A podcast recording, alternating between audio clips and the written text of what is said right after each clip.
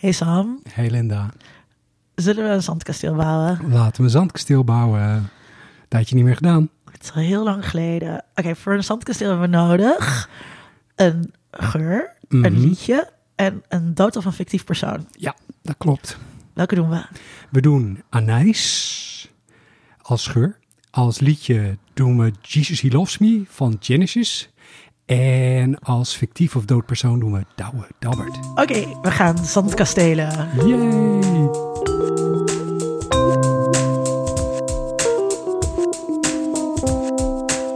Oké, dit is aflevering 2 van Zandkastelen. Yay, een serie die al vier jaar bestaat, geloof ik. Leuk dat je weer luistert. Ehm, ik denk, Sam, dat er best wel misschien wat mensen zijn die aflevering 1 gemist hebben. Ik denk het wel, want die was in 2017. 2017, hè? Ja. wat, ehm, wat, eh, wat zijn we eigenlijk aan het doen? Wat we doen is, eh, we pakken drie ingrediënten, namelijk een geur, een liedje en een fictief dood persoon, omdat ze herinneringen opwekken. Het is En- altijd dat. Ja, het is altijd Dit is drie nu het format. Bij Ja, dit is het, twee dit is het format. Je denkt van wat raar. Ja, het is ook een raar format. En dan gaan we dan een beetje op riffen. En eh, dan eh, komen er allerlei dingen boven en die gaan we met elkaar combineren. Ja, en, ehm, eh, aflevering 1 was een groot succes, drie jaar geleden. En toen hadden we het ehm, eh, over... Waar ging het toen over? Oei. Weet je niet meer? Ik weet nog wel. Maar de geur was knoflook. Oh ja, knoflook. En eh, eh, de fictief persoon... Was Oscar Wilde. Oscar Wilde. Ja. En het nummer was mijn lievelingsnummer. Jouw lievelingsnummer, Mbap. Mbap van Hansen. Waar je echt ontzettend op, lekker op kan gaan. Eh, wat ik nog steeds vind. Eh, ik vind het ook kut al dat we die nu eigenlijk al gehad hebben. Maar misschien kunnen we hem straks nog een keer doen. Bij de jubileum. bij het jubileumaflevering. Jubileum-editie. Maar toen hadden we het zelf bedacht, zeg maar. En nu eh, niet. Toch? Nee, nu hebben we gewoon de luis- luisteraars laten inzenden. Ja. Dus dat vinden we leuk, beste luisteraar. Ja. Als lieve luisteraar, misschien nog echt heel veel slijm. Eh, als jullie ideeën voor, eh, voor dingen insturen. Nu hadden we het op Twitter gegooid. Ja. Sam. Ja. Jij, hebt, eh, jij hebt de administratie. Ik heb de We administratie doen dus eh, Anijs. Wie had dat bijgehouden. Eh Natasja Villiers heeft via Twitter ingezonden Anijs. Dat vonden we een hele leuke. Zeker. Ja, Dirk-Jan van Vliet heeft Jesus He Knows Me ingezonden. Mhm. En dat vonden we allebei zo'n verschrikkelijk nummer dat we besloten dat we daar per se over moesten hebben. En eh Douwe Dabbert is ingezonden door Tim Wagemakers. En die vonden we allebei zo leuk. En zo'n leuk contrast met, eh, met Collins, die eigenlijk ook een dwerg is. dat we die, die erbij hebben gekozen. Ja, dus, dus dat, dat gaat het eh, eh, zijn. Ehm, ja, het idee is dus dat we het een beetje random houden, maar wel gestructureerd. Dus we gaan heel stru- gestructureerd deze aparte dingen bespreken. Ja, dat gaan we doen. Maar we gaan dat wel eh, echt heel random houden. En ik hoop dat jullie het leuk vinden. Wij vonden het zelf eigenlijk toch wel weer leuk. Ja, ja, Ja. ja. wij, wij gaan gewoon kletsen en wij vinden het leuk. En als jullie luisteren, leuk. Ja, en als jullie niet luisteren, dan maakt het helemaal niet uit. Want dat merken we dan, dat merken we dan helemaal Dat merken we Want niet. wij zitten, wij zitten gewoon hier. Oké, ehm Anijs. Ik moet dus, bij Anijs moet ik altijd meteen denken. Er was dus ooit een reclame. Ik heb geen idee meer waarvoor dat was. Waarbij dan uitgelegd werd wat voor ingrediënt erin zat. En dan zei iemand zo, anijs. En dan zei een stem zo, ah, nice.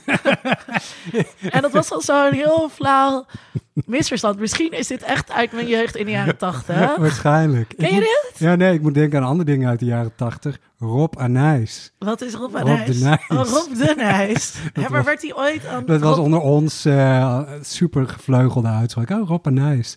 Maar waarom dan? Omdat het lijkt op de Nijs. Gewoon heel erg kinderlijk. Oh, maar, maar vonden jullie Rob de Nijs nice? Nee, we vonden hem helemaal niet nice. Nee, Het want een soort... zo oud ben ook niet, toch? Nee. Nee, het was een soort, ja, een soort disname. Maar jij, jij hebt natuurlijk meteen het idee van, ah, nice. Ja, Ik weet dus niet meer waar die reclame voor was. Maar het is een beetje... luisteraars, als jullie het weten. Ja, als het het op. Je had toch ook zo'n reclame... ehm ik weet ik ook niet waarvoor dat was. Dat dan eh, eh, eh, een Duitse on- on- je hebt een Duitse onderzeeër en die stuurt dan een noodbericht of zo aan de kant. En dat is eh, we are sinking, we are sinking. En dan zegt degene die het noodbericht opvangt... Yes, yes, what are you sinking about? zeg maar, van dat, van dat niveau woordgrappen. Ja, heel erg Al vind ik dat wel echt heel leuk. Net als eh, wie, die ik ook heel leuk vind. Die ik altijd, als ik op roadtrip ga... is eigenlijk een hele slechte grap die helemaal niet klopt met het accent. Maar ik heb hem altijd zo verteld gekregen. Eh, een Indiër, een Engelsman en een Amerikaan gaan samen op roadtrip. Uh-huh. Moet Even kijken of ik hem goed vertel. En dan eh, verdelen ze dus eh, eh, de taken. Ja, En één iemand moet zorgen voor de kaart. En één iemand moet zorgen eh, voor de auto. En één iemand moet zorgen voor iets lekkers voor onderweg. ja. Voor, voor supplies. En dan, Oh, en dan je voelt hem wel ik aankomen. ken hem al. Maar het, is Maar heel, maar het is heel raar dat dan... dan nou, kijk, dus dan komt die... wat was dat dat ik ook weer bedacht? Een Engelsman en een... Volgens mij moet er Chinees op het einde. ja, maar, het wordt dus, ja, maar ik, heb dus al, ik zeg dus altijd met de Indiër. Maar dan is het anyways, dus dan komen we allemaal bij elkaar. Dan zegt die Indiër, die komt dan van achter een bordje, bosje vandaan. En dan roept hij, supplies! Maar dat werkt zo niet, want het moet dus een Chinees zijn. En dit is ook racistisch. En het past dus helemaal niet. Ja, maar het past wel bij die tijd. In die tijd hadden we al, alleen maar racistische grappen. Ja, maar dit heb, ik, dit heb ik echt gehoord toen ik op eh, wereldreis was. Dus dat was 2002. Volgens mij waren we toen niet meer zo openlijk racistisch. Nee, maar juist in van die backpack-achtige clubs is het juist wel grappig om dat soort moppen dan juist te vertellen. Ja, weet, weet ik niet. Maar ik moet dus altijd, altijd nog, als ik op roadtrip ga, dan zeg ik hoe dit de supplies. Niet zo leuk. Maar we, we drijven een beetje af van anijs. oh ja, Anijs. Anijs. Weet je, want ik heb namelijk op Wikipedia gekeken. Ja, Zodat je- de luisteraar dat niet hoeft te doen. En ik ontdekte dat eigenlijk anijs eh, is maar 1 of 2 procent van de, van de anijsvoorraad komt van anijs. Want, hoe bedoel je? Nou, Wat? Wat? Wat, wat is dit voor schokkend feitje? ja, Dat- er, is, er is dus een... Je hebt anijs en je hebt sterrenijs. En ik weet niet of je vroeger wel sterrenmix hebt gedronken van die thee. Gadver wat goor. Ik vind alle thee goor. Maar Ja, ik, ik, ben, sterrenmix ik ben zelf ook geen theedrinker. Sterrenmix is bijzonder goor. Ja, en die sterrenmix, daar zit dus steranijs in. Daar hebben van die stervormige gedroogde dingetjes zitten erin. En Ja. er zit dus iets in wat smaakt naar anijs. En dat is een Chinese vrucht. En dat is de clue natuurlijk. Want zeg maar, eh 2% van alle anijs komt uit anijs. 94% komt van die steranijs. Maar dat is een ander... Nee, er zit hetzelfde stofje in. Dat heet, Want- dat want- heet anetol. En dat is aan, wat anijssmaak geeft. Want anijs groeit aan een plant. Ik, ik weet ook wat. Ik heb Ja. ook... Ik Ja, heb ja, ook. Maar dat is dus niet dezelfde plant als van sterrenanijs. Nee, is een andere plant. Maar het is wel is- hetzelfde stofje. Het stofje heet anetol. Ja. En het is ja, gewoon een soort geurstofje en een smaakstofje. En de overige paar procenten komen van venkelzaadjes. Want ik las dus dat... Ja, venkel. Ja, Fucking lekker. Ja. Smaakt naar. anijs. Ja. ja, dat had ik dus ook. Ja, en toen las ik ook nog dat het ook in licorice zit. En dacht ik, licorice is toch drop? En toen zocht ik het op. En licorice is zoethout. En daar zit het ook in. En als je inderdaad venkel en zoethout en die anijsthee naast elkaar houdt in je geheugen... Want het gaat over geur. Dit is, dit is het onderdeel geur. Dan is dat allemaal hetzelfde. Allemaal een beetje hetzelfde. En, maar, en, en eh, eh, re- ja, registreren onze hersenen dat dan ook zo? Ja. Ik vraag me inderdaad af, als ik nu zo bedenk... als ik in een gerecht venkel proef... of ik dat dan kan onderscheiden, echt op smaak, van anijs. Het is een beetje zo'n fris smaakje. Het is echt, je je hebt een Vind je het groente. lekker? Hou je van venkel?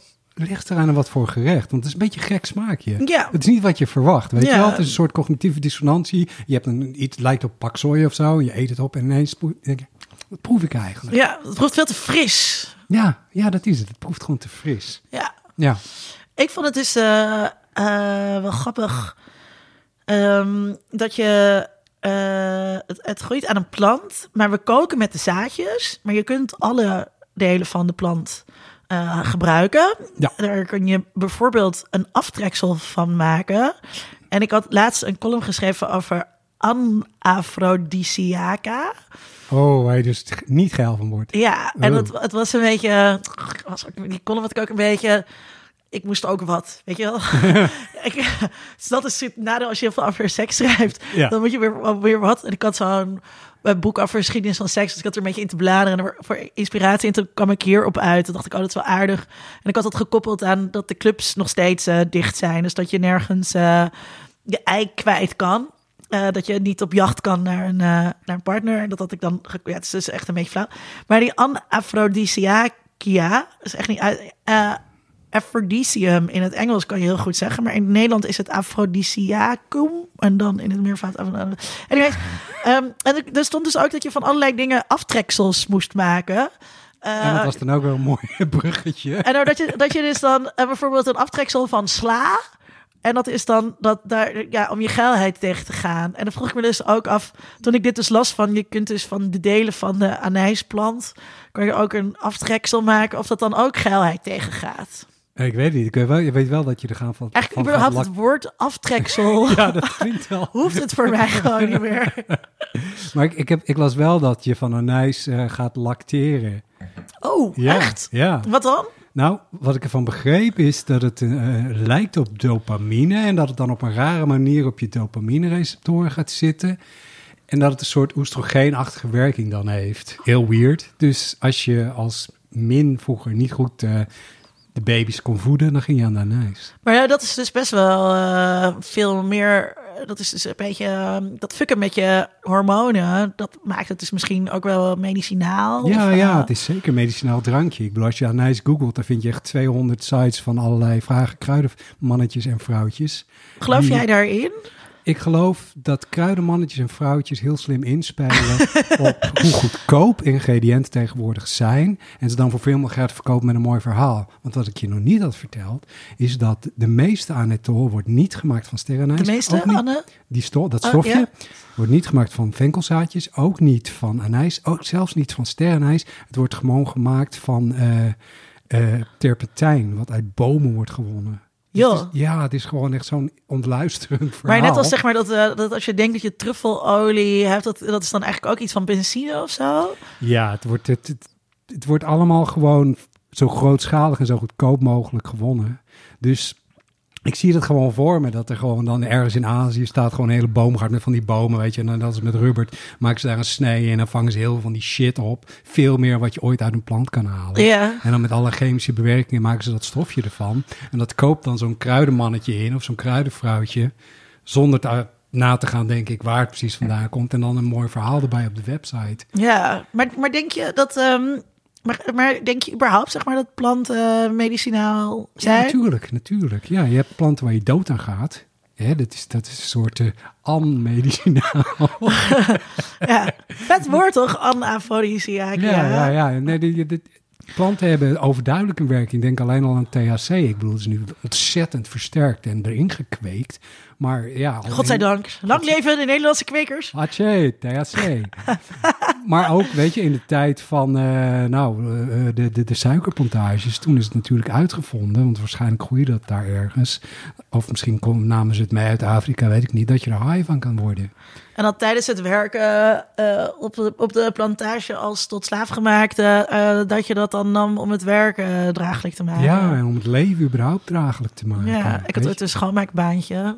Aha. Heb je Ja. veel met drugs gebruikt toen? Nou, toen was ik wel... Ik vond toen een ramen zeemen heel leuk.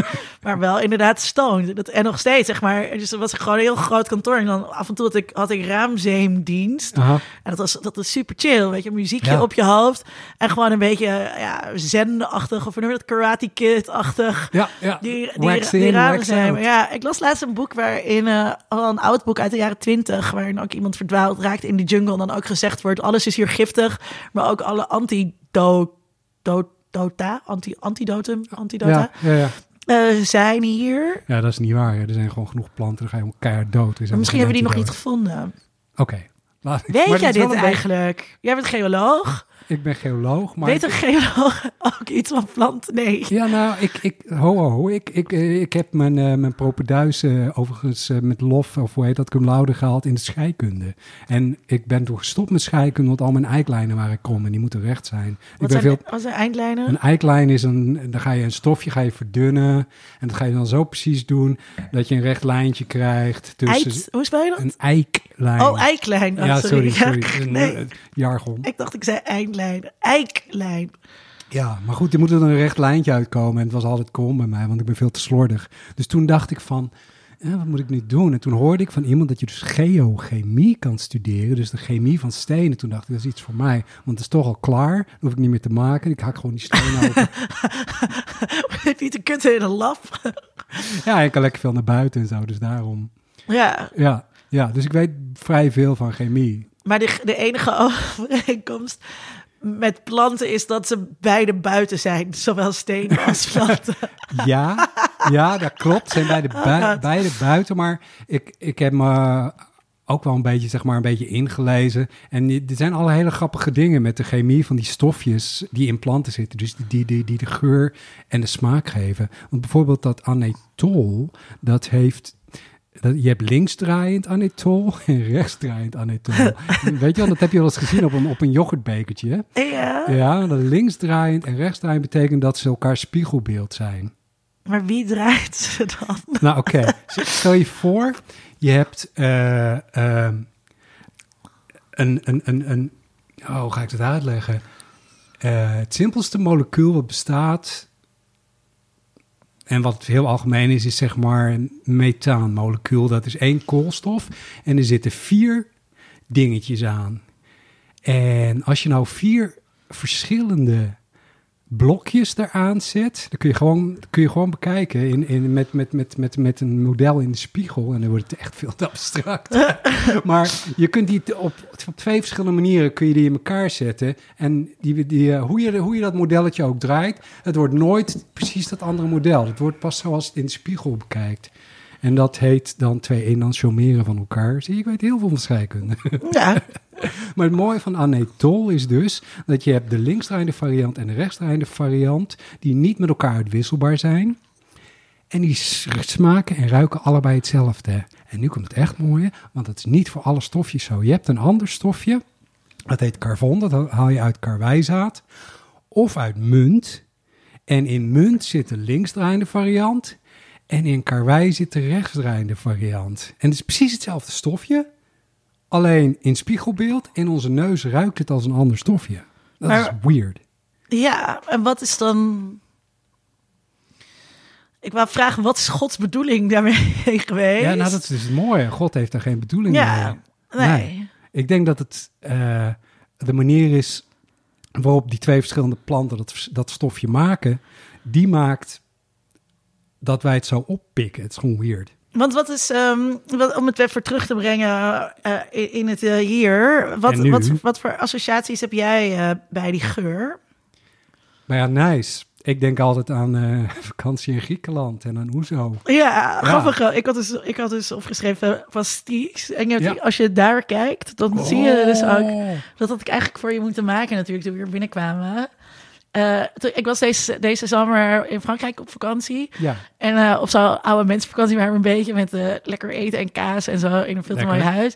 Maar en toen waren we op een gegeven moment boodschappen en toen dacht ik in één keer, oh ja, dat is, dat is in Frankrijk. Pasties drinken. en toen had ik zo of, Ricard, volgens mij heb ik Ricard. En ik weet ook nooit, ik heb wel al vast zes keer bij de gewoon, gewoon gevraagd wat het nou precies het verschil is.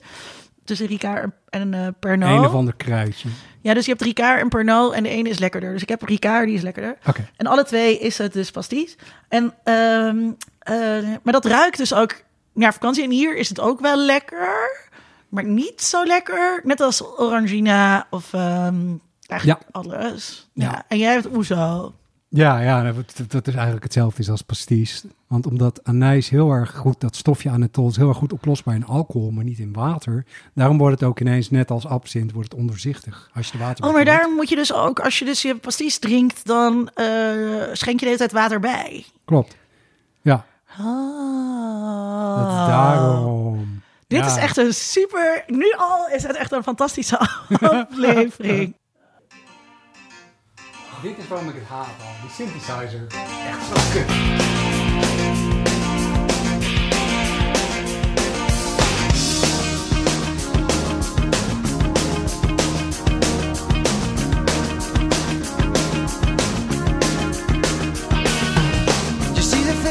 TV screen Oké, we gingen dus nog even luisteren. En ik, ik heb hem stopgezet bij... Wat is het? de 40ste seconde. Ik had het echt niet aan Nee, horen. Verschrikkelijk. Het is echt, maar het is echt, echt als ik zou moeten zeggen. Nou ja, dat heb je ook niet altijd even top of mind. Maar iets wat je nou echt een nummer vindt.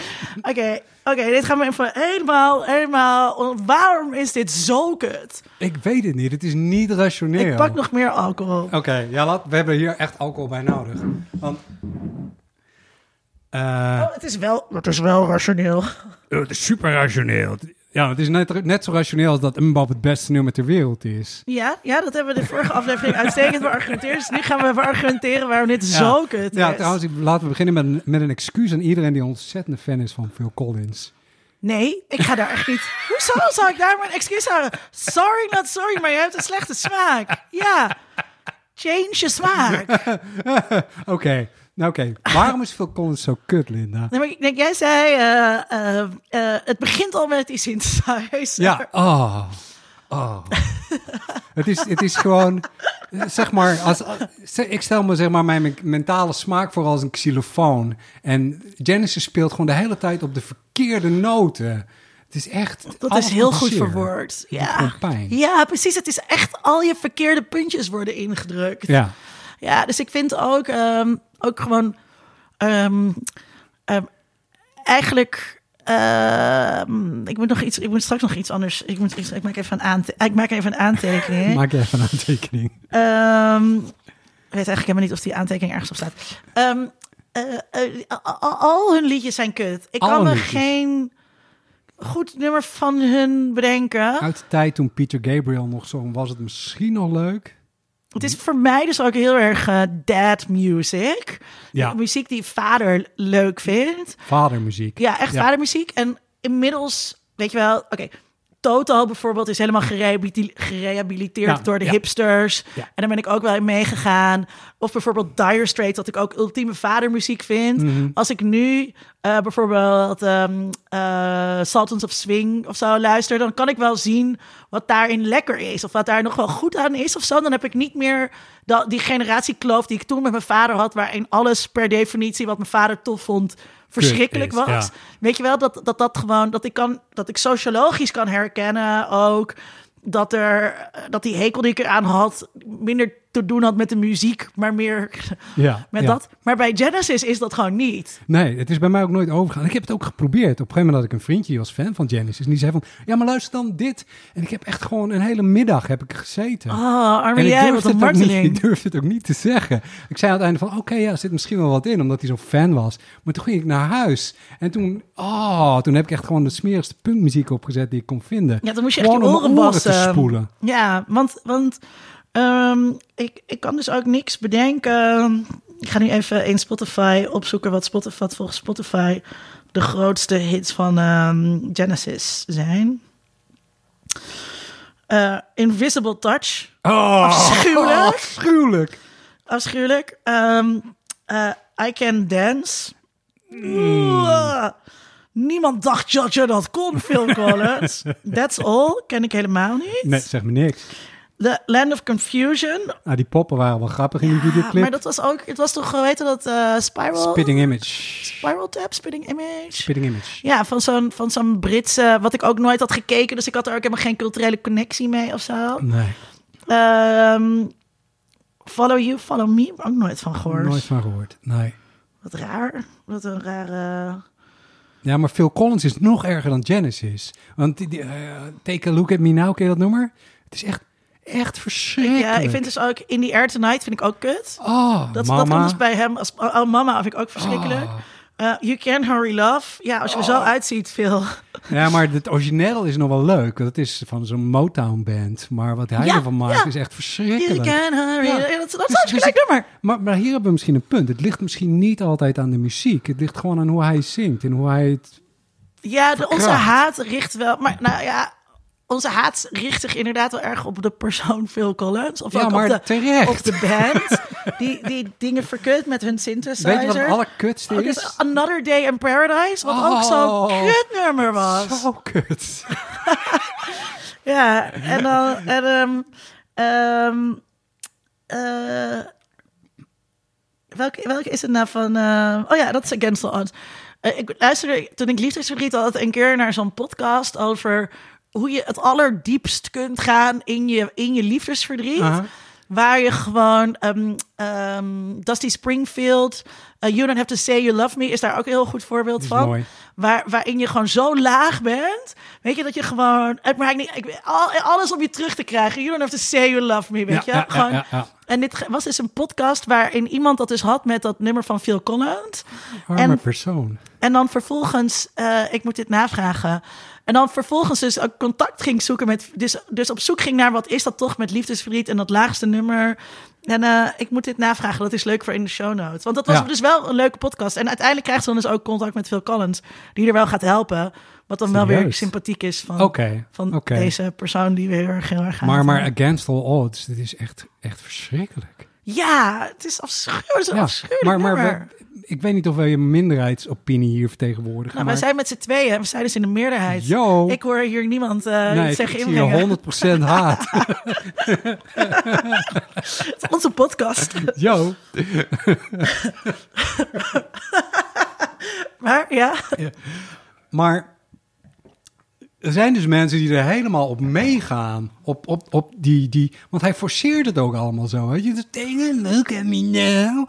Sorry. alle maar uit, maar inderdaad, al, elke uithaal, alles is zo bedacht. bedacht. Denk dat we het daar Overgeproduceerd. hebben. Ja. Dat hij het gewoon allemaal zit te bedenken van tevoren. Ja, En misschien komt het wel omdat hij een zingende drummer is. Want hij is dus begonnen als drummer. maar ja, ja, ik vind ook, ik krijg hier natuurlijk hartstikke ruzie mee met de body positivity movement mensen. Maar ik vind hem dus ook gewoon te lelijk om leuk te vinden of zo. Het is, ja, het is gewoon niet, hij heeft gewoon nul seksappeal. Ja, maar wacht. We gaan het binnenkort hebben zo meteen over Dow Dabbert. Die is ook gewoon klein en een dwerg. Ja, maar die zingt niet. Hij is van 1951, trouwens. Oké, hij is dus een dad. Ja, dus, dus ehm, eh, ik las laatst, ik las laatst een boek van mijn eh, scriptiebegeleider, wat al heel lang op de plank lag. Die had een roman geschreven en die had ik toen ooit gekocht, want, want het was leuk. En toen zat er dus een seksscène in. En mijn scriptiebegeleider lijkt misschien wel een beetje op Phil Collins. Oh God. zo'n oude man, kaal, weet je wel, klein.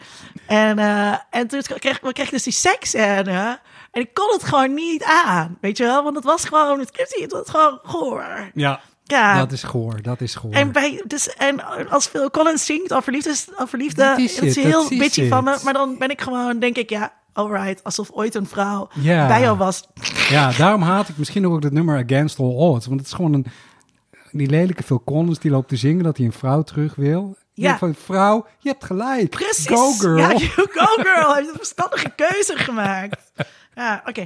Maar eh, Jesus He Knows Me is natuurlijk een heel specifiek nummer. Ja. Ik heb hier echt twee pagina's aantekeningen oh, over. wauw. Je hebt echt een scriptie geschreven. Vertel. Ik heb echt. Ja, oké, maar het gaat dus over. ehm, voor de mensen die dat niet weten.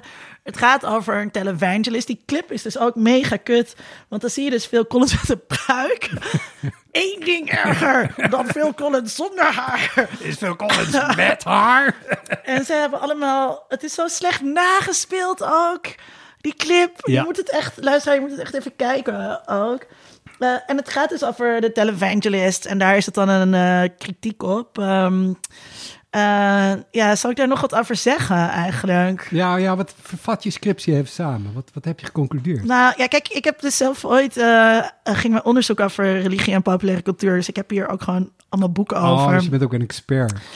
Eh, dus ik had even wat boeken uit de kast getrokken. Voor de mensen die het niet ehm, weten, is dat misschien wel goed. De, de te- televangelism verwijst zeg maar naar evangelical Christians die televisie gingen inzetten om het geloof te verspreiden. En dat werd, eh, eh, dat begon in de jaren zeventig. en op een gegeven moment werd dat een beetje dodgy business. En ehm, eh, het is wel geinig. Die, die, christenen, dus als je ook misschien wel uit Nederland weet, dus in Nederland weet je, Refo's kijken eigenlijk helemaal geen televisie. En binnen die protestantse beweging in Amerika, ehm, in de jaren 70, eigenlijk in de jaren 60, eh, begint het een beetje tot, tot een bepaalde tak door te dringen dat media eigenlijk eh, een goed, goed middel zijn om in te zetten om mensen eh, te gaan bekeren. Ik had hier wel iets leuks gevonden. Eh, eh, Christianity Today, dat was een, een magazine, die had in 1966 een special issue over een new era for Christian communication. En dat ging echt over dat, dat, dat nieuwe geloof, zeg maar, ehm, eh, wat, er, wat er was. En ehm, ik heb hier een paar mooi, super mooie quotes. Dat eh, er, zeiden er is een derde revolutie gaande. Eerst van, eh, wat was het, naar agrarisch, toen industrieel. En nu dus de telecomrevolutie, informatie en de space race. Tegelijkertijd met populatiegroei. En dat special issue van Christianity Today schrijft dus... This breathless epoch of autumn and automation, computer control and space racing offers worldwide information networks for presenting our Lord to a needy audience of billions. Boom. Maar dit was ook de tijd van McLuhan en zo, of niet? Ja, dit is echt inderdaad, eh, het is bijna een soort McLuhan-achtige quote. Ja, de christelijke McLuhan. Dus in de jaren zeventig gaan, die, gaan eh, die, die evangelisten die sowieso opkomen eh, eh, ook, die zien dat dus allemaal. Dan komen die televangelisten op. Ehm hoogtijpunt is in de jaren tachtig. Ehm, bijna allemaal mannen, heel veel charisma. Eh, en die wilden altijd geld inzamelen Ja. om voor zendtijd te betalen. En daar, daar gaat dat liedje eigenlijk ook een beetje over. Er zit Daar kritiek gaat het op. ook mis. Maar dat liedje van Phil Collins is uit 1991. Dat is echt best wel een beetje, eh, hoe noem je dat? Mosterd na de maaltijd. Ja, Anijs als het al alsof op je is. vader ineens iets nieuws bedenkt. Ja, weet je wat, toen was het eigenlijk al geweest. Ehm, maar ik vond nog wel interessant over die, ehm, eh, over die, over die marketing, ehm, ehm, zeg maar. En ik was hier een beetje vanmiddag, raakte, hier, raakte ik hier natuurlijk een beetje in verdwaald. Omdat Ja. ik dat heel leuk vond om te doen. Ehm, er is heel veel onderzoek hier, hier naar gedaan. Ehm, en eh, dit is een boek van eh, Horsfield uit 1984. ehm, die dit, eh, dit heeft bestudeerd. Hij is, hij is zelf eh, Australisch en, eh, en ook dominee. En, eh, maar onderzoekt het heel open, maar dus ook wel kritisch. En, hij, en hij heeft het er. Gaat er dus over dat. ehm, eh, ja, ze, ze, ze, ze zoeken dus naar. Ze doen al die fundraisers. Dus ze, ze verzamelden, ze wilden de hele tijd geld inzamelen bij hun publiek. En dat moest natuurlijk ook omdat ze zendtijd moesten betalen. Ze moesten de kosten eh, dekken. Eh, en dat werd al heel snel werd dat heel smerig. Ja. Wat, ze, wat, ze dan, wat ze dan gingen doen. Het is natuurlijk meer op een gegeven moment meer marketing ehm, dan de Bijbel. Ehm, ik heb hier een quote. Ik zal even kijken wat ik hier eh, uit kan halen. Oh ja, hier. Dat kan ik wel in het Engels zeggen, denk ik. To be dependent on one's audience for support, particularly in a fickle selective medium such as television, means that the gospel must not only be proclaimed, but it must be proclaimed in such a way that it meets with the approval of a large share of one's audience. Dus je moet zorgen, televisie gaat altijd over de, ging vroeger zeker over de grootste gemene deler. Dus je moet zorgen dat je iets hebt wat aanspreekt bij die grootste gemene deler. Maar tegelijkertijd moet je natuurlijk ook wel eh, je moet iets raken, je moet een geloofwaardige eh, boodschap overbrengen. Eh, dus er werd niet alleen opgeroepen om direct geld te geven, er werd ook merchandise verkocht, maar vooral ook één op één tijd. Dus eh, adviessessies, Die je kon kopen. ja, dat je kon bidden voor iemand. Echt duidelijk natuurlijk met de aflaten van vroeger. Meestal werden die oproepen ook aangezet met urgentie. Ja, je moet nu, je moet nu kopen. We hebben nu een miracle nodig. Waarbij ook heel erg ingespeeld werd op bijgeloof. Dus ik kwam als term tegen wat ik heel interessant vond. Superstitious understanding of consumer religion. en een mooi voorbeeld, de Christian Broadcasting Network. Eh, die hadden toen blijkbaar geld nodig voor hun, eh, voor hun nieuwe gebouw. Eh, en, die, en die deden een ding en dat heette de Seven Lifetime Prayer Request. En dan eh, als je een luttele 100 dollar bijdroeg, dan kon je zeven levenswensen aandienen bij dit Christian Podcast Network. Nice. Eh, en die werden dan eh, op microfilm gezet en dan in een zuil gestopt. In een soort, ja, dus de, dus, dus de bidzuil. Waar ze dan 24 uur per dag waren daar mensen bij die zuil aan het bidden. Nice. 100 dollar maar. En dit is dus, dit is de jaren 80. Moet je even denken nu. eh, ik werd eh, deze week geïnterviewd eh, over dat platform Shout- Shoutout. Ken je dat? Dat je shoutouts van bekende Nederlanders kan kopen. Ja. Ja, dus je kan dan voor 50 eh, euro komt die Arie Piekema, weet je, van de Albert Heijn reclames, die kan dan een boodschap aan jou zeggen. ja. Hey, Linda. Ja, Bla, bla, bla. Dat, is, dat is dus een heel stuk goedkoper dan een kaartje kopen om in deze biechtpaal terecht te komen. Ja, wat, Ja. wat, eh, wat vind je ervan, Sam? Nou, Wat wel- vond je van mijn spreekbeurt? Ik vond die spreekbeurt vond ik fantastisch, Linda. Je krijgt een 8 plus. Een 8 plus. Wat? Geen, wil je een 9? Nee, dan krijg je een 9. Nou, een 8,5. Oké, er zat niet echt een conclusie aan, maar ik had wel leuk. Nou, een 8 plus. Oké. Oké, een 9. Hier heb je een 9. Wat ik, wat ik er grappig aan vind, is ik, ik dacht al, jij gaat het vast helemaal uitzoeken met jouw achtergrond. En het enige wat ik heb te vertellen is een persoonlijk verhaal. Omdat ik ben opgegroeid met fucking televangelist. Want er zit een stap tussen, zeg maar, de kerk en dat je voor de tv gaat lullen. En die stap, dat is de tentbijeenkomst.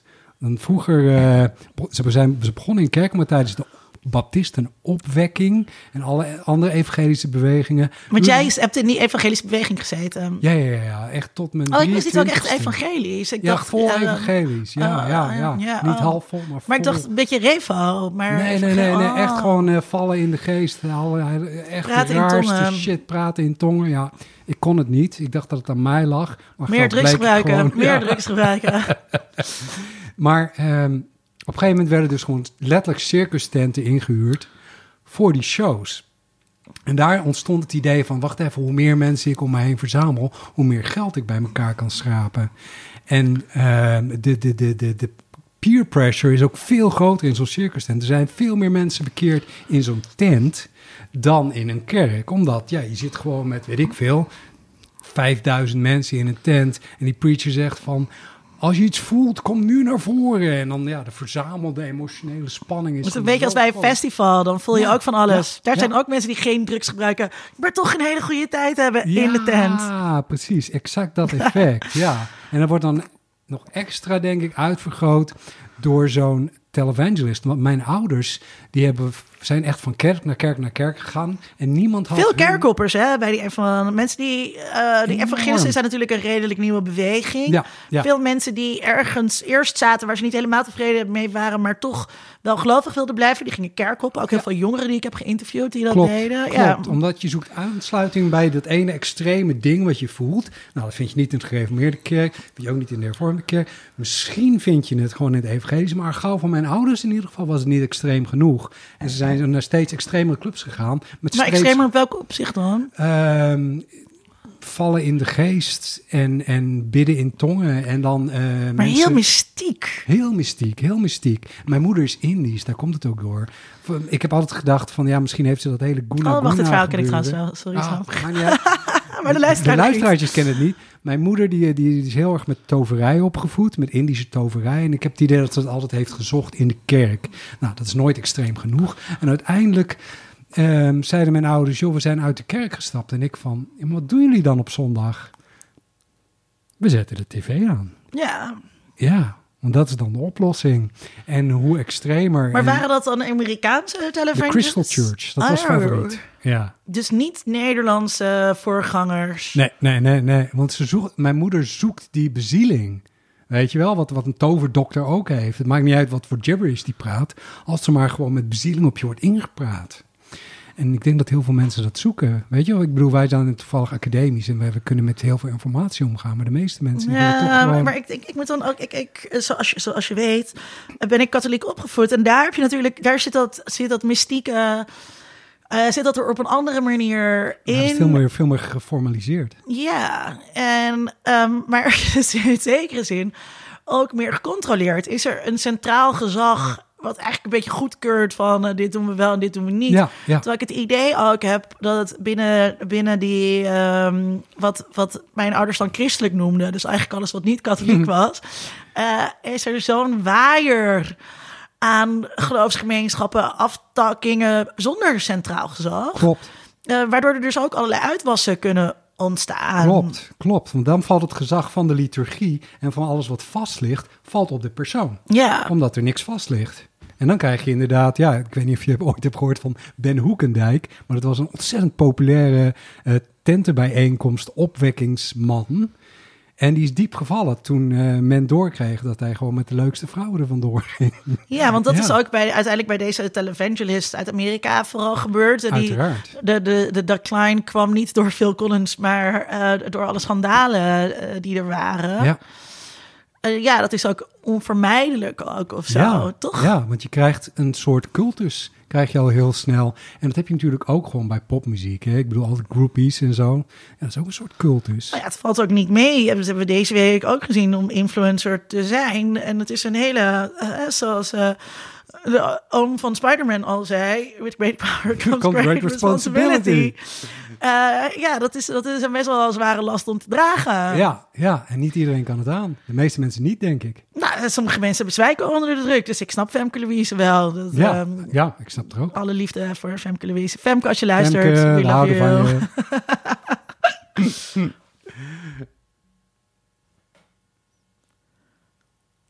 Douwe Dabberts. Douwe. Douwe. Dabbert. Ik heb echt geen idee waarom dit opkwam bij Tim.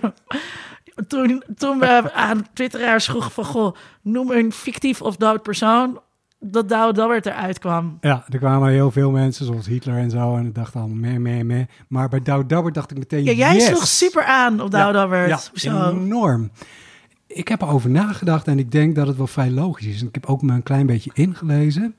Eh, het is ge- getekend door een meneer die heet Piet Wijn. Niet Piet Hein, maar Piet Wijn. Is het niet van Walt Disney? Nee, Hè? Maar Het het is stond in de Donald Duck. ja, maar het is puur natuur Nederlands. Dat is het mooie ervan. Het stond altijd achterin de Donald Duck. Klopt, ja. klopt. Zal ik je vertellen hoe het ontstaan is? Ja, vertel. Oké. Doe maar je spreekbeurt. Doe jij je Mijn- ja, spreekbeurt. jee, ik heb Hey. spreekbeurt. Ehm, er is een meneer, eh, dat was de, die is 40 jaar eh, de hoofdredacteur geweest van de Donald Duck. Die heeft ook voor de revival van de Donald Duck ge- gezorgd, want in de jaren 60 was het een beetje ingekakt. Wat? Wat? Wat? Ja, in de jaren 50 is Donald Duck geïntroduceerd in Nederland. In de jaren 60 was het niet meer zo populair. Toen kwam die meneer Tom Roep, heet hij. Die kwam bij de Donald Duck, eerst als redacteur, later als hoofdredacteur. En die zei van, we moeten gaan voor de goede verhalen. En hij heeft, ik weet niet of je wel eens gehoord hebt van Carl Barks. Dat is Nooit. de man die Duckstad en alle Duckstad, de goede Duckstad verhalen, waarvan iedereen nu nog steeds zegt van, holy shit, dat zijn goede verhalen. Goed getekend, goed geschreven, goed plot. Dat is Carl Barks. Nou, die Tom Roep, die heeft die meneer Carl Barks herontdekt. En die zegt op jacht gegaan naar de allerbeste verhalen van Carl Barks, die nog niet in de Donald Duck hadden gestaan. En die heeft ze herplaatst. Met als gevolg dat de oplagen van de Donald Duck zo stegen dat in de jaren 80 hadden ze 450.000 eh, edities elke week. Die gewoon. eh, daar Nummers. waren- nummers. Daar waren mensen op geabonneerd. 405, de oplage was 450.000. Ja, oké. dus ik, een aandeel losse verkoop en een aandeel abonnees. Ja, En dat ja. was welk jaar? Eh, in de jaren 80. Ja, mijn broer die deed, eh, hoe heette dat? De, de, de, de, de bladen, die liep de bladen, de bladen. Oh ja, die, ja, ja, de Hoe noem je dat? krantenmap, bladenmap. Weet Wij kregen dus vroeger thuis al die bladen en die ging mijn broer dan in een ding stoppen en die Ja. moest hij dan rondbezorgen. plus. Was die high?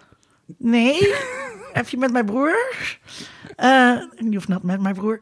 Ehm, eh, en, dus dan lagen altijd al die tijdschriften op tafel. En wat koos ik er dan uit? De Donald Duck. Al- ik las eigenlijk alleen de Donald Duck. Ja. Ja. Ja, en het is grappig dat je denkt van dat het Walt Disney is, want dat zo hoog is de kwaliteit ervan. Nou, waar komt Douwe Dabbert vandaan? Die meneer Piet Wijn is in 1929 geboren, best wel een oude vent. In 1947 ging hij tekenen voor de Toonder Studios.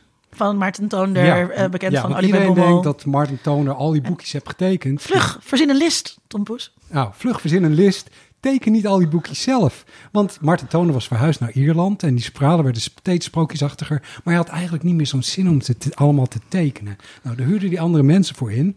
En een van die mensen was Piet Wijn. En Piet Wijn die heeft vanaf 1974 tot 1986 Ja. eigenlijk de meeste Tom Poes verhalen getekend. Oh, echt? Ja, Het is allemaal zwendel, hè? Dat is ook een mooi bommelwoord, zwendel. Ja, maar goed, Piet Wijn is dus door, door, door al die jaren Tom Poes tekenen... is hij helemaal geïmpregneerd geraakt met dat prachtige fantasiewereldje... met, met die sprookjes en die toestanden. Van, nou, ik, ik ben dol op die tekeningen. Ehm, hoe bang ik er ook voor was vroeger als christelijk Was je bang? Ja, Maar dat heeft enorm. vast ook te maken met die evangelische Ja, shit. want mijn ouders zeiden, alles wat niet van Jezus is, alles met sprookjes en zo, dat is van de duivel. Mijn ouders gingen zelfs zover dat christelijke sprookjes, namelijk Narnia, vonden ze ook van de duivel.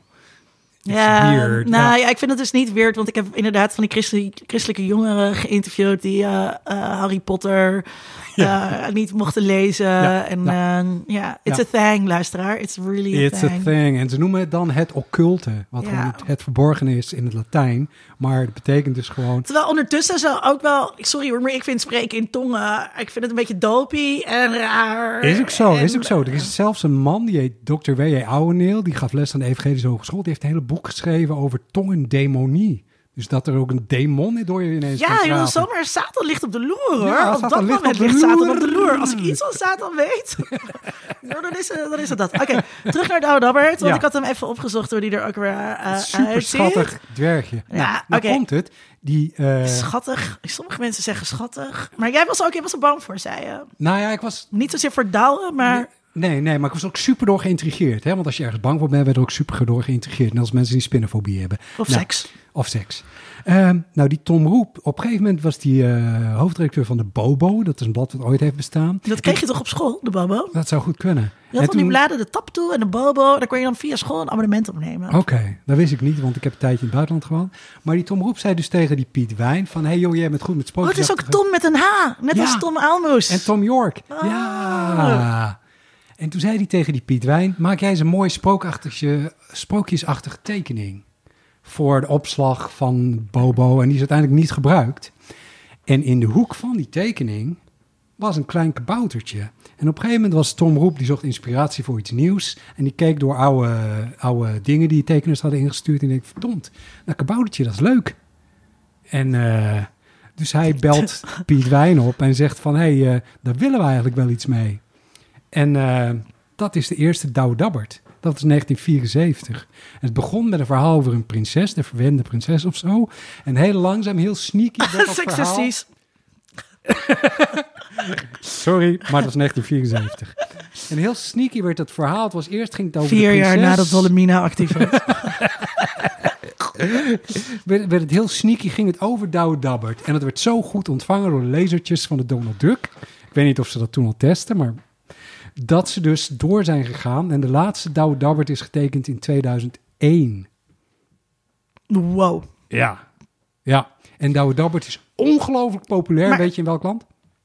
België? Denemarken. Ah, waarom dan? Geen idee. Hé, hey, maar wat voor soort eh, avonturen? Want ik las dat dus. Het, wa- het was een feuilleton, volgens mij toch? Dat was een doorlopend verhaal. Ja, klopt. Ja. Eh, dus dan kreeg je elke week twee pagina's Ja. van het verhaal. Dan moest je weer wachten, een week lang. Ja, ik kan ook niet. eh, ik volgde dat, maar wat, waar, wat voor avonturen beleefde die dan? Sprookjesachtige avonturen. Allemaal eigenlijk in een soort bommelachtige setting. Ja. Maar dan had hij in plaats van Tom Poes had hij een knapzak. Tom Poes die verzon altijd een list, maar bij Douwe Dabbert was de knapzak. Ja, een hij had een knapzak. Ja, en er kwam altijd precies uit wat hij nodig had. Ja, nu je het zegt. Oké. Ja, Eh, hey, als ik hem zo hier zie, heeft hij ook hele ronde wangetjes. ja, ja. Het is een soort Paulus de Boskabouter, maar het is ook een beetje Tom Poes, zeg maar, in de gedaante van Ollie B. Bommel.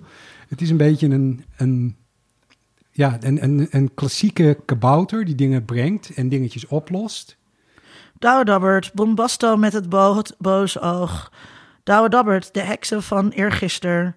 Douwe Dabbert, het schip van ijs. Ja, dus allemaal sprookjesachtige thema's. Ja, Douwe Dabbert, het modderwerk van Piet Pief. met Ja. een troll. En eh, ja, het ziet er eigenlijk best wel fantasy-achtig uit. Klopt. Nou, en die Tom Roep, die van de Donald Duck. Maar was het ook, eh, want bij Bommel was best wel een beetje een soort eh, hoogdravend. Ja, eh, ja. Nee, maar dit is heel anders. Want die Tom Roep van de Donald Duck, die was 22 toen die verzon, "Hey, laten we dat eens gaan doen. En volgens mij was die Piet Wijn toen 47 of zo. Maar ze hadden echt geen probleem om met elkaar samen te werken. Tom Roep zei gewoon van, hé hey joh, ik verzin iets. Ik stuur je een synopsis van een verhaal jij tekent dat. ja, En dat ging gewoon blijkbaar als een trein. Ik vind het een hartstikke leuk verhaal. En, eh, maar had je ook aparte Douwe Dabbert, jij zeg maar, kocht je dan ook aparte Douwe Nee, nee, ik had het allemaal uit de Donald Duck. En Ja. stiekem natuurlijk, want het mocht niet van mijn ouders, want het was een sprookje. Dus het was Ah. occult. Ja. Maar daarom vond ik het juist zo intrigerend. Maar je mocht wel de Donald Duck lezen. Ja, ja, ja. En dan vertelden we niet dat de Douwe Dabbert achterin stond. Oh, heel slim. Ja. Ik, eh, eh, eh, mijn moeder had de libellen en er stond altijd Jan Jans en de kinderen in. En wat ik dan deed, is dan nam ik een, oud, een oude gouden gids. Mhm. En dan eh, pak, scheurde ik de Jan Jans en de kinderen uit de eh, libellen. En dat deed ik dan in de gouden gids. En zo kreeg ik dan een eigen Jan Jans en de kinderen album. Oh, wat cool. Het is echt, klinkt Ja, nu echt dat alsof we zo arm waren. maar dat deed je als kind in de jaren tachtig. in de jaren tachtig namen we toch ook liedjes op van de radio? Dat Je had sowieso. Ook, maar dit deed, en dan maakte je je eigen album. Ja, maar dat deed cool, je dus toch? niet met de Douwe Dabbert pagina's, want dat was veel te gevaarlijk. Ja, als mijn ouders het hadden gevonden, die shit. Ja, dat is een soort dynamiet. En dat las ik dan met vriendjes, Ja. weet je wel. Ja, en, maar die, die, knapzak was echt geweldig. Iets wat me altijd... Wat, zat er dan in die knapzak? altijd, Magic mushrooms. Altijd precies wat hij nodig had. Nou, Ja, Wat en een ontzettend handige Deus Ex Machina voor de striptekenaar. Ja. En als dan iemand anders erin gaaide, want het was natuurlijk een toverknapzak, dan kwam er alleen maar modder uit of water of weet ik veel. ja. En het begon met hele simpele dingen, altijd een simpele oplossing, maar op een gegeven moment werd het heel intrigerend, want dan gaf die knapzak eigenlijk een soort raadseltjes aan Douwe Dabbert. Dus bijvoorbeeld een... een, een, een De knapzak gaf een raadsel ja, aan. een soort raadsel. Want ik zal het even uitleggen. Douwe Dabbert die was bijvoorbeeld in het eh, magische land van Duizend en Nacht. In Arabië, toen dat nog niet allemaal enge moslims waren, weet je wel. En eh, er was een spiegelpaleis. maar, maar nog een soort sensuele Ja, prinsen sensuele. en geile wijven. Ja. Geile wijven die bijna naakt waren, afgezien van hun sluier. Ja, toen de sluier nog een geil ding was en niet een hoofddoekje, geen koptot. Ik zei, die tijd dus. Ja, ja, ja. Toen we dat allemaal nog gewoon niet doorhaalden. Een beetje Dat het- 19e eeuws. Beetje 19e 19e eeuw. eeuwse gays. Maar Ja. was het niet ook fucking... eh eh, want ja, ik moet nu toch even met... Was het niet dan ook super racistisch en seksistisch? Nee, nee, nee, nee, nee. Dit viel heel erg mee. Het was niet Het seksistisch? werd heel erg, het was best wel roldoorbrekend. Ten eerste was gewoon de maar zeg je, hoofdpersoon dat, zeg, je dat met de, zeg je dat met de blik van nu of met de blik van toen? Nou, ook met de blik van nu. Ja. Ehm, laat me even verder vertellen, want het is superleuk. Want ehm, er was dan een spiegelpaleis. Het is een, een, een, een eh, woordgrap met een sp- luchtspiegeling. Het was een paleis. En telkens als je de, de, de, de deurklink wilde aanraken, dan verdween het paleis. Heel erg vervelend, want Dobert had dorst en zo. Hij wilde naar binnen, denk Mhm. ik. Nou, hij gaat in zijn knapzak. Wat komt eruit? Een handspiegel. En als volwassene denk je, oh ja, zo. Maar als kindertje, wat, wat Ik denk fuck- nog steeds niet wat de oplossing is. wat moet hij met die handspiegel? En Douwe Dabbert kijkt naar zijn eigen smoel. Hij is heel boos, hij wil hem weggooien. En dan ineens draait hij en dan kijkt hij in die spiegel naar het spiegelpaleis. En dan gaat hij naar de deurklink toe met die spiegel. En ik zal nog steeds zien hoe het kan, want in de, in de spiegeling klopt het natuurlijk ook niet. Maar doordat hij in die spiegel kijkt, kan hij de deur openmaken van het spiegelpaleis. Nou, als kind, ik was helemaal Dit flabbergasted. is echt een perfect concept voor de nieuwe Christopher Nolan film. Totaal. Christopher Nolan, if you are listening. Ja. Maar moet je nagaan, dan ben je gewoon negen jaar en dat lees je in de Donald Duck. Dat is toch gewoon briljant? Ja, ik heb dus helemaal niet. ehm, ik, ik vond het dus niet zo leuk. In mijn herinnering vond ik dat dus niet. Was ik niet. Blader ik niet enthousiast door naar die laatste twee pagina's. Oké. Ja, want het is natuurlijk... Het is iets, er zit iets meer vezel in dan in de Donald Duck. De Donald Duck, dat is gewoon snoep. Dat, dat gaat gewoon heel makkelijk naar binnen. Zeg je nou dat ik oppervlakkig ben? Nee, helemaal niet. Nee, nee.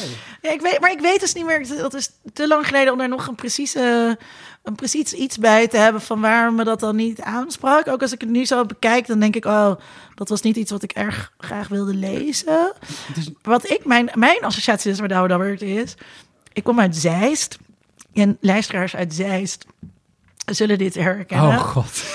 Eh, op de Slotlaan eh, had je vroeger altijd en nog steeds Café Lambiek. En dat zat er al een miljard jaar Mhm. eh, in, mijn, eh, in mijn beleving. Dus waarschijnlijk bestond al een aantal jaar voordat ik 13 was. En daar als 13-jarige bier ging drinken.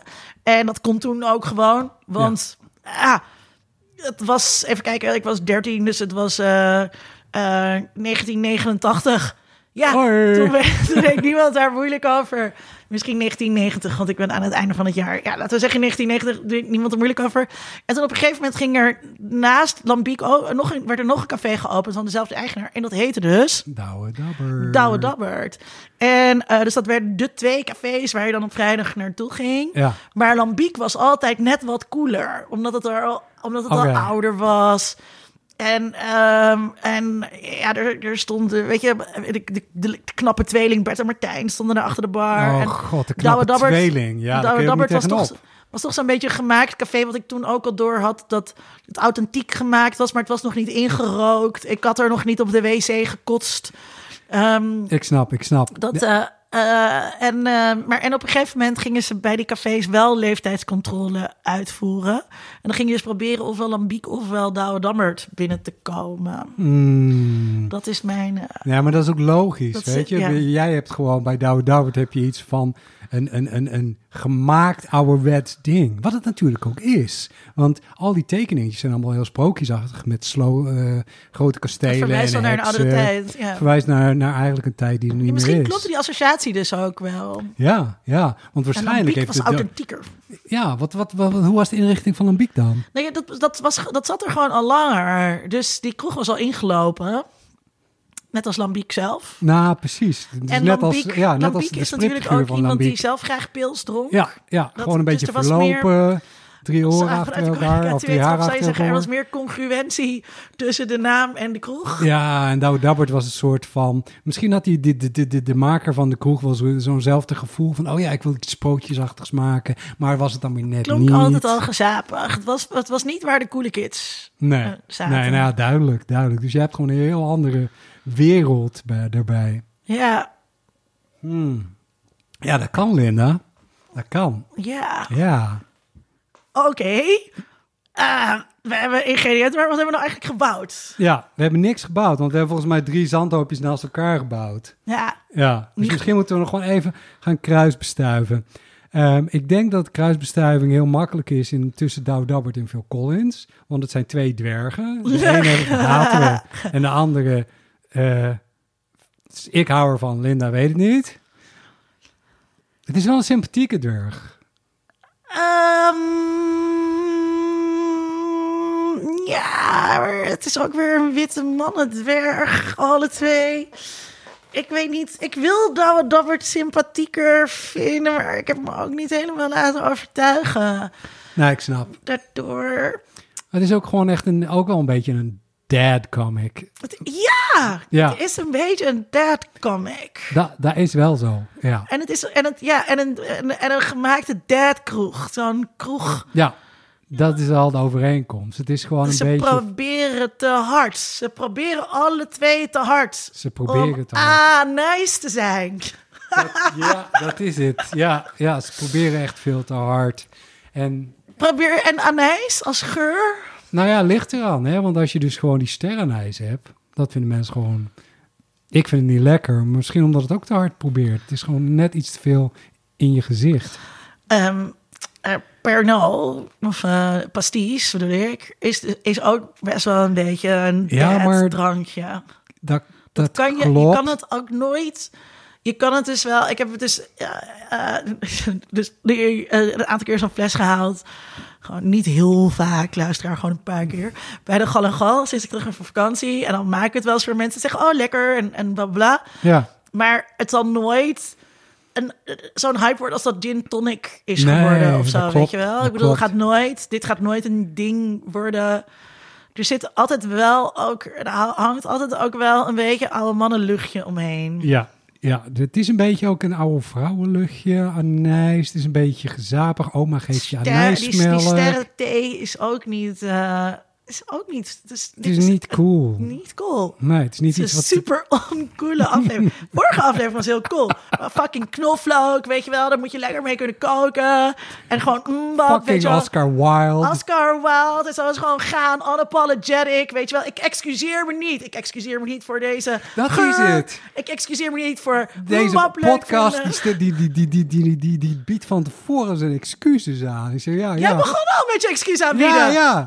Dat, dat bedoel ik. Ja. Is gewoon, Anijs is gewoon, ja, sorry. ehm, ik weet dat je gewoon hard aan het gaan bent, maar wil je niet een glas anijsmelk drinken om rustig te worden?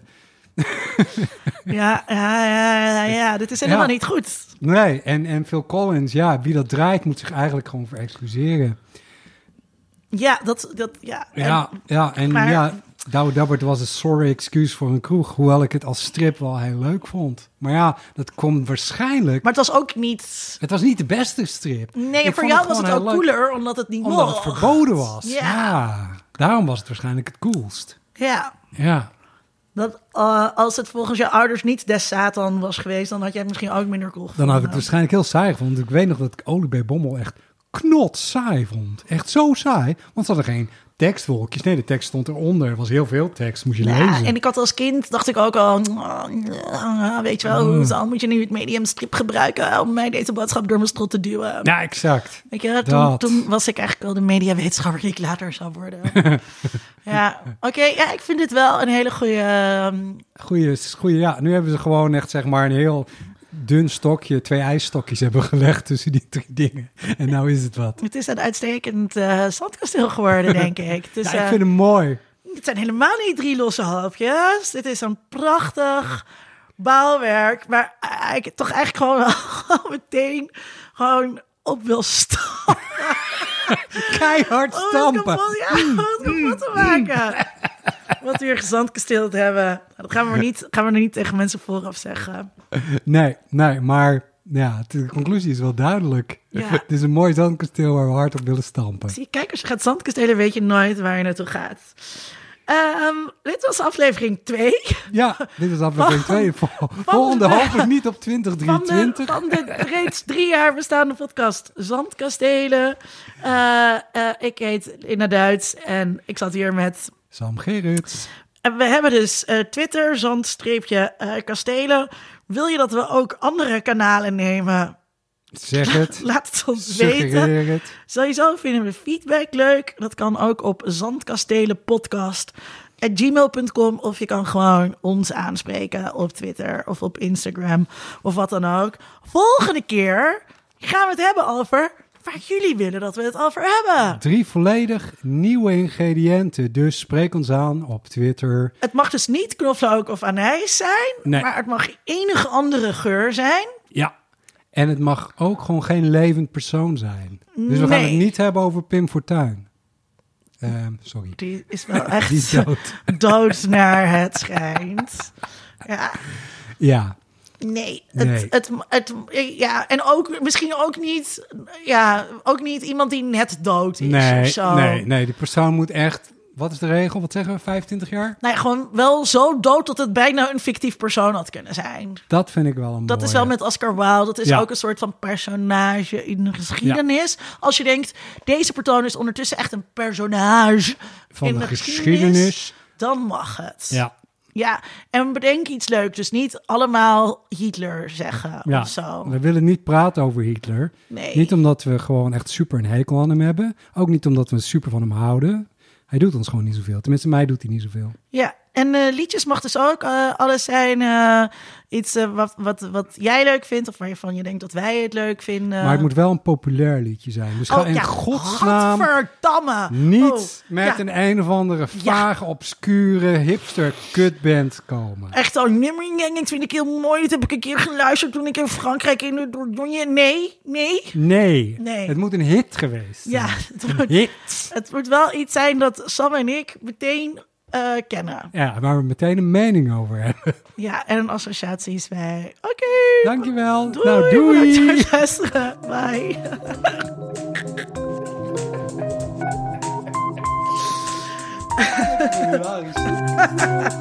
mooi.